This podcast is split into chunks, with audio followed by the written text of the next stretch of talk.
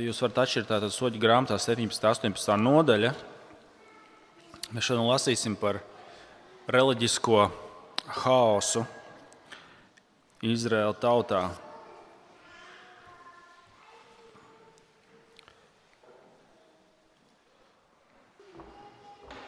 Aizlūksim, pirms mēs ieklausāmies šajā stāstā, ko mēs tikko dzirdējām. Tēvs, tiešām uh, tu caur savu vārdu un svēto garu mūs ved tīrā pielūgsmē.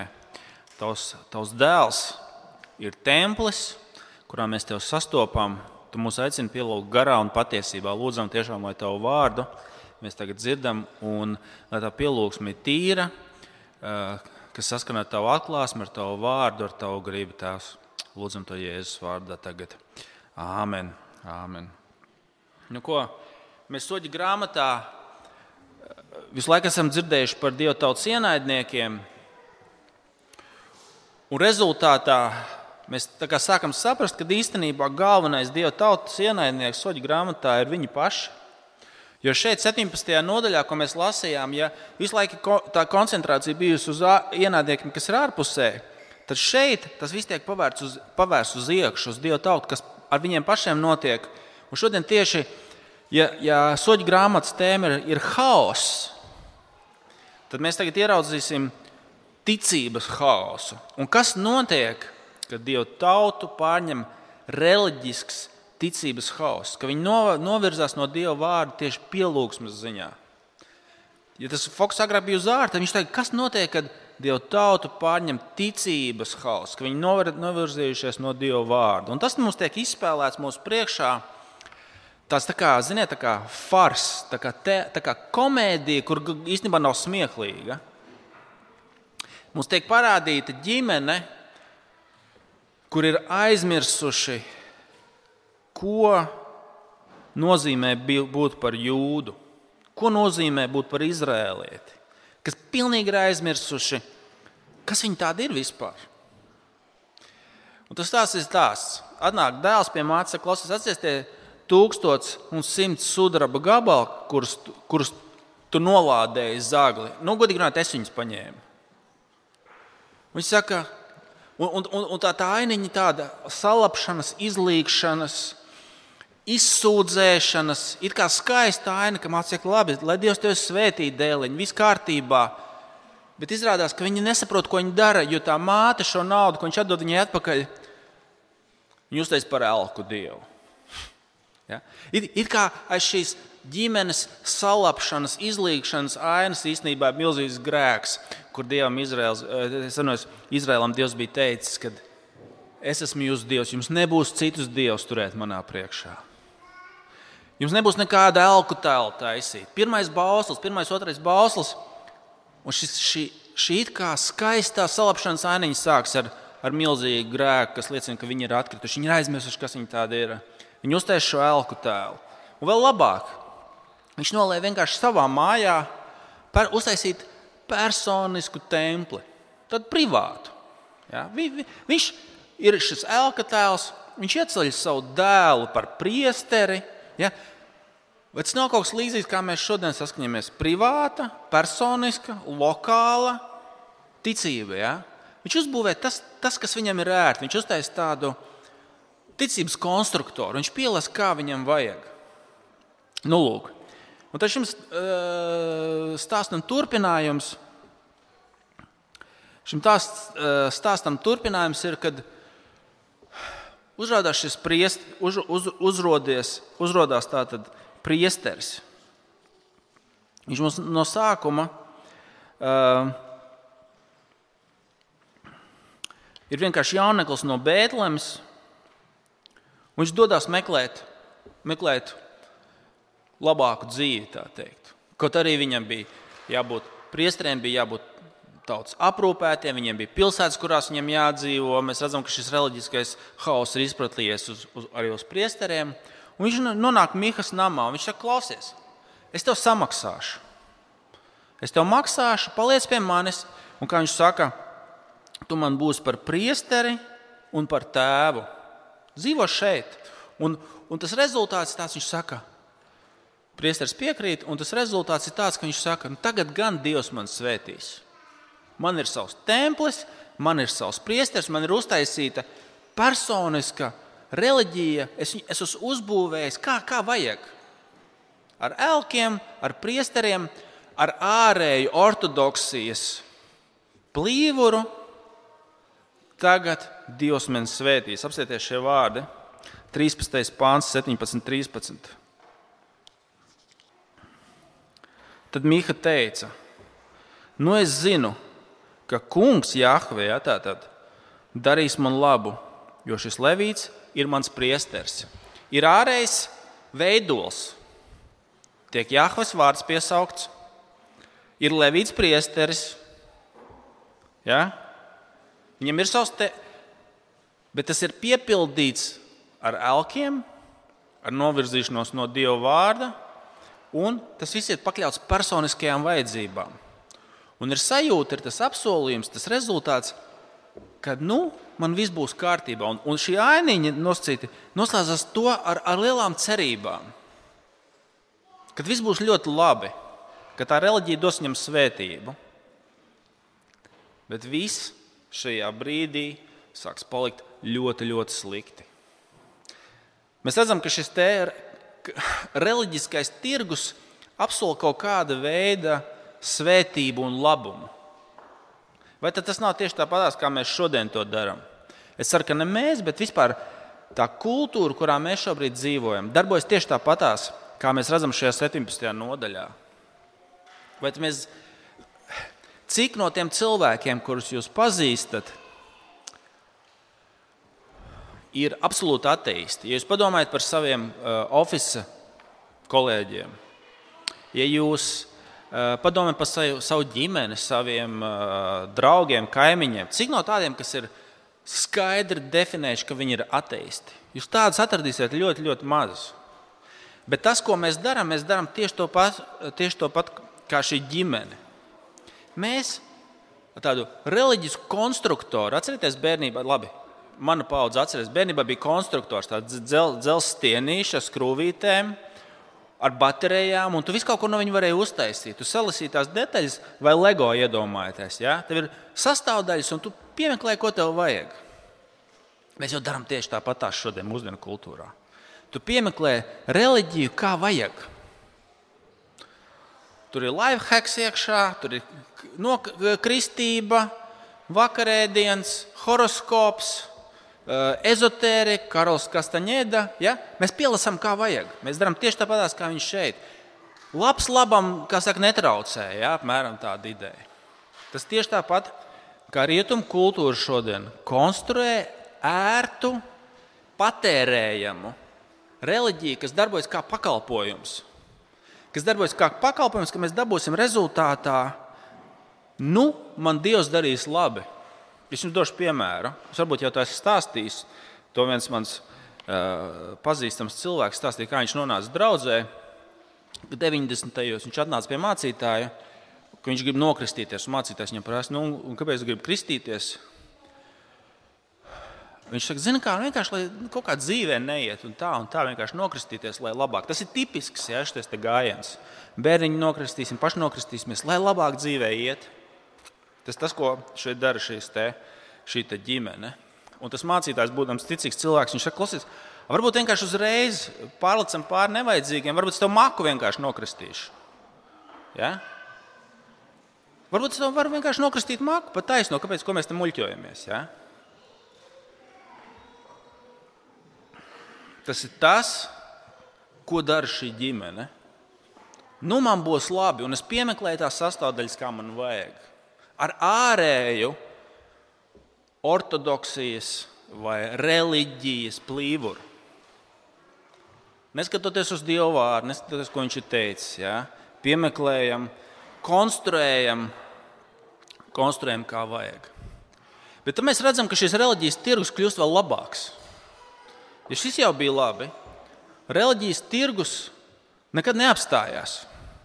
Tas ir 24 stundu veikals, kas vienmēr strādā, kas vienmēr ir gatavs pārdoties tam, kas maksās labāk un vairāk. Te mums ienāk 18. nodaļā šī dāna cilts, kas meklē sev īpašumu. Viņi izsūta izlūkus, Viņi, viņi sastopas šo ģimeni ar, Mihas ģimeni, ar priesteru, kuram pagaidām nav vārda. Un uh, viņi saka, klausies, paprasti Dievam, ja, kā jau mēs to darām, vai mums šis ceļš būs labs vai svētīgs. Un, un tur uzreiz viņš neapstājoties. Viņš saka, viss būs kārtībā. Viss būs kārtībā. Nu, kā teikt, viņš, viņš savu svētīšanas darbu zina. Ja? Viņš labas ziņas zina, kā pienest. Redziet, šie vārdi. Viņi prasa 18,5. Tie viņam teica, jau izjautāt Dievu, lai zinām, vai mums veiksies ceļā, kurā mēs dodamies. Un nav nekāds pazīmes, ka viņš kaut ko būtu, kāda, kad viņš būtu kaut ko prātā. Viņš momentā viņiem kā no automāta. Ja? Un priesteris tiem atbildēja, ejiet ar mieru ceļš, kurā jūs dodaties, ir kunga ziņā. Par sliktām ziņām neviens nekad nemaksā. Ja? Viņi tagad dod, dodas tālāk, viņi atrod šo zemi, viņi tagad uztaisīs armiju, uz turien dosies. Un turceļā šie 600 bruņotie vīri, vīri ierodās šajā, šajā pie Mīkas namā, kur ir šie tēli. Un viņi viņus savāc. Viņi savāc tos elkus, un, kā jau teicu, reliģiskais tirgus turpinās. Tas priesteris cenšas kaut ko iebilst. Viņš saka, padomā, vai tev ir izdevīgāk kalpot tikai vienai ģimenei, vai tu kalpos visai ciltī? Un viņi atkārto to pašu formulu. Tu būsi mums par priesteri un par tēvu. Un, protams, viņš tiem vārdiem saka, es izdaru piedāvājumu viņam, no kur viņš nevar atteikties. Un, protams, ka viņš viņiem saka, un viņš dodas līdzi to, kur vēl ved labāks piedāvājums. Reliģija vienmēr ir gatava pārdošanai. Kurš maksās vairāk? Mēs zinām, šodien ir pat kristīgās konfesijas, kas nokristīs visu, ko vajag. Apslakstīs tankus, raķetes ar nosaukumu Sātans, ir templi, kas to visu svētīs, reliģija, kas kalpos tam, kas maksā. Preizi.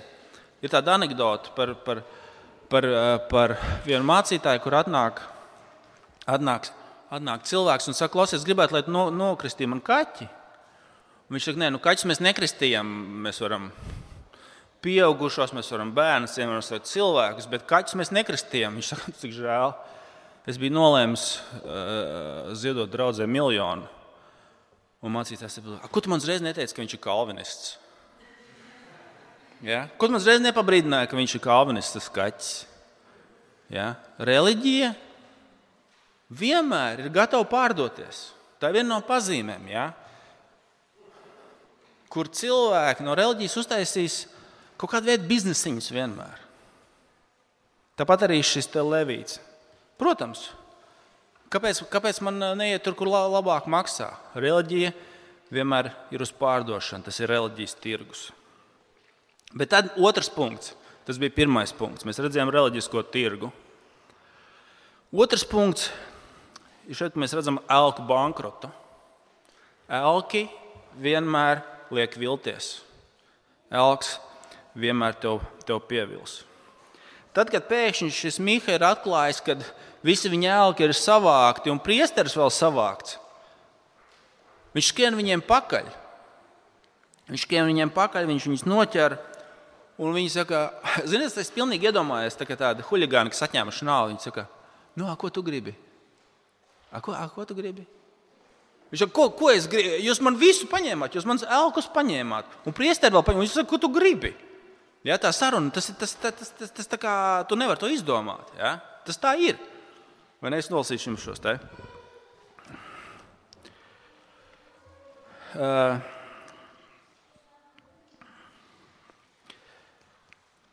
Tas priesterim patika. Viņš paņēma efodu mājas dieviņu un grepto tēlu. Tas ir 18. nodaļā, 20. pāns. Grepto tēlu un pievienojās šiem ļaudīm. Viņi devās prom, sev pa priekšu vēsdami mazuļus, lopus un mantas. Viņi bija jau krietnu gabalu no Mihas nama, ka turienes vīri, kas bija ar Mihas, eh, Mihas namu, sapulcējās un panāca dānu dēlus. Viņi sauc uz dānu dēliem, un tie pagriezās pret viņiem un teica Miham: Kas tad nu tev, kas sapulcinājis šos vīrus? Viņš sacīja: Jūs paņēmāt manas darinātos dievus un vēl priesteru un aizgājāt. Kas man vairs palicis? Un jūs jau prasāt, kas tev? Ja, šī šī, šī saruna. Ko mēs redzam? Ja iepriekšējais gabals, 17. nodaļa, 13. pāns beidzās to, nu, kungs man darīs labu ar lielām cerībām. Nu, man ir elki, nu, man ir personiskais templis, nu, man ir personiskais priesteris, reliģiskais tirgus darbojas, viss būs kārtībā ar lielas cerības. Tad šī otrā daļa mums parāda, ka elki nav dzīvi. Viņi vienmēr pievils, viņi vienmēr liks vilties. Elku var paņemt un aiznest prom. Elku var paņemt un aiznest prom. Elks nav spējīgs tevi glābt. Ziniet, kas ir? Es, es citēšu, mēs vakar ar Egilu Šmagru vadījām raidījumu, un, un, un, un Egils citēja, man liekas, Alvis Augus teica, Dievs mums dod labas lietas, bet tās ir slikti dievi. ja? Dievs mums dod labas lietas, bet šīs lietas ir slikts Dievs. Viņš vienmēr liks vilties. Viss, ap ko mēs uzbūvēsim savu dzīvi, kas dos mums labu, kas nav Dievs, tas vienmēr mūs pievils. Ja mēs paļausimies uz to, kas nav, nav Kristus, tas viss mums liks vilties. Mūsu ķermenis sabruks, mūsu reputācija var tikt paņemta prom, mūsu darbs var izbeigties. Ja, ja tās ir lietas, uz ko mēs uzbūvē, uzbūvējam, kas nav Dievs, kas mums dos labu, kā šis tēls, ja, kā šim Miham, viņš var tikt paņemts prom.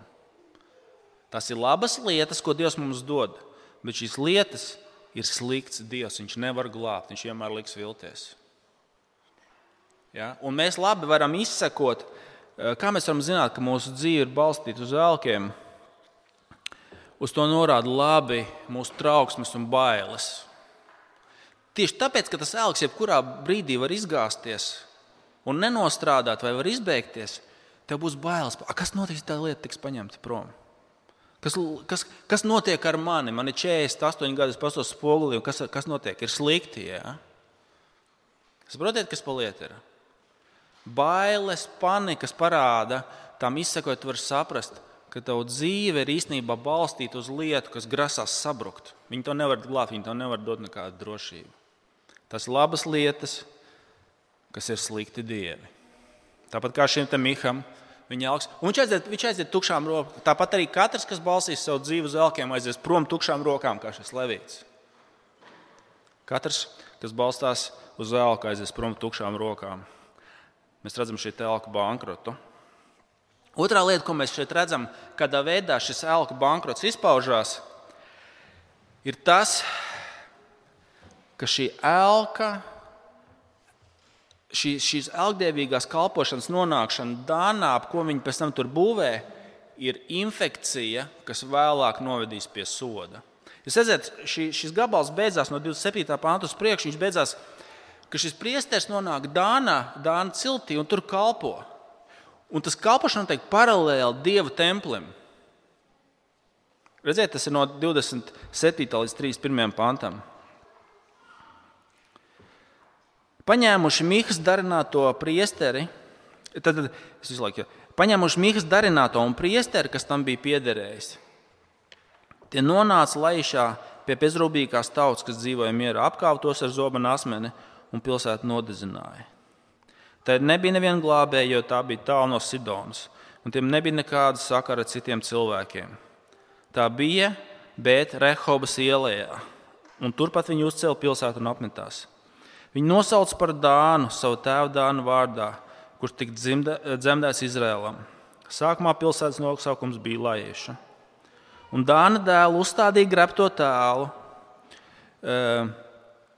Tātad, un grepto tēlu un Jonatāns, Geršama, Mūzus dēla dēls, un viņa dēli bija priesteri Dāniešu ciltī līdz zemes gūstniecības laikam. Tā viņi turēja godā Mihas grepto tēlu, ko tas bija darinājis. Visu laiku, kamēr dieva nams bija šīlo. Jūs redzat, ka ir dieva nams, ir dieva templis, bet viņi kalpo citādākā veidā. Viņi kalpo elkiem paralēli ja, kā šeit ir sacīts. Tā viņi godina elkus. Un interesanti, ka pirmo reizi mums parādās priesterim vārds. Es nezinu, vai jūs, vai jūs dzirdējāt to šokējošo ziņu, kas šeit apsieties. Priestrim vārds 30. pantā. 30. pants. Viņš ir Jonatāns, Geršoma, Mūzus dēla dēls. Mēs redzam šo traģēdiju. Tas ir viens no Mūzus maz, maz, maz, maz dēliem, kas ir šis elku priesteris, kas kalpo elkiem un novērš Izraelu no, no ticības. Ziniet, ko es šeit gribu uzrunāt? Jauniešus, bērnus, tīņus. Tas, ka tu uzaugi baznīcā, Tas, ka tavs tēvs bija mācītājs, tas, ka tavs tēvs bija draugs vecākais, ka tu neko citu savā dzīvē neesi dzirdējis. Tas nenozīmē, ka tevi glābs vienkārši šī fiziskā piederēšana kaut kur. Šis alku priesteris ir Mozus mazmazdēls. Tas jautājums ir, vai tev ir ticība Kristum kā glābējam? Tev, nevis tētim vai mammai vai baznīcai, kurā tu uzaugi. Ir tās teiciens, ka dievam nav mazbērnu, dievam ir tikai bērni. Un šis ir tāds draudzīgs izaicinājums. Vai tā ticība, kas tev ir, tā ir tavs mammas, tēta un vēl kaut kāda kultūrāla, kur piedāvā, vai tā ir tavējā? Vai tu esi vērsies pie Kristus personiski, kā pie glābēja? Ja? Un trešā lieta, ko es, ko es gribēju pie, pieminēt, kādas ir sekas šim te elku bankrotam. Ievērojiet, kas, kas te sacīts 3. pantā.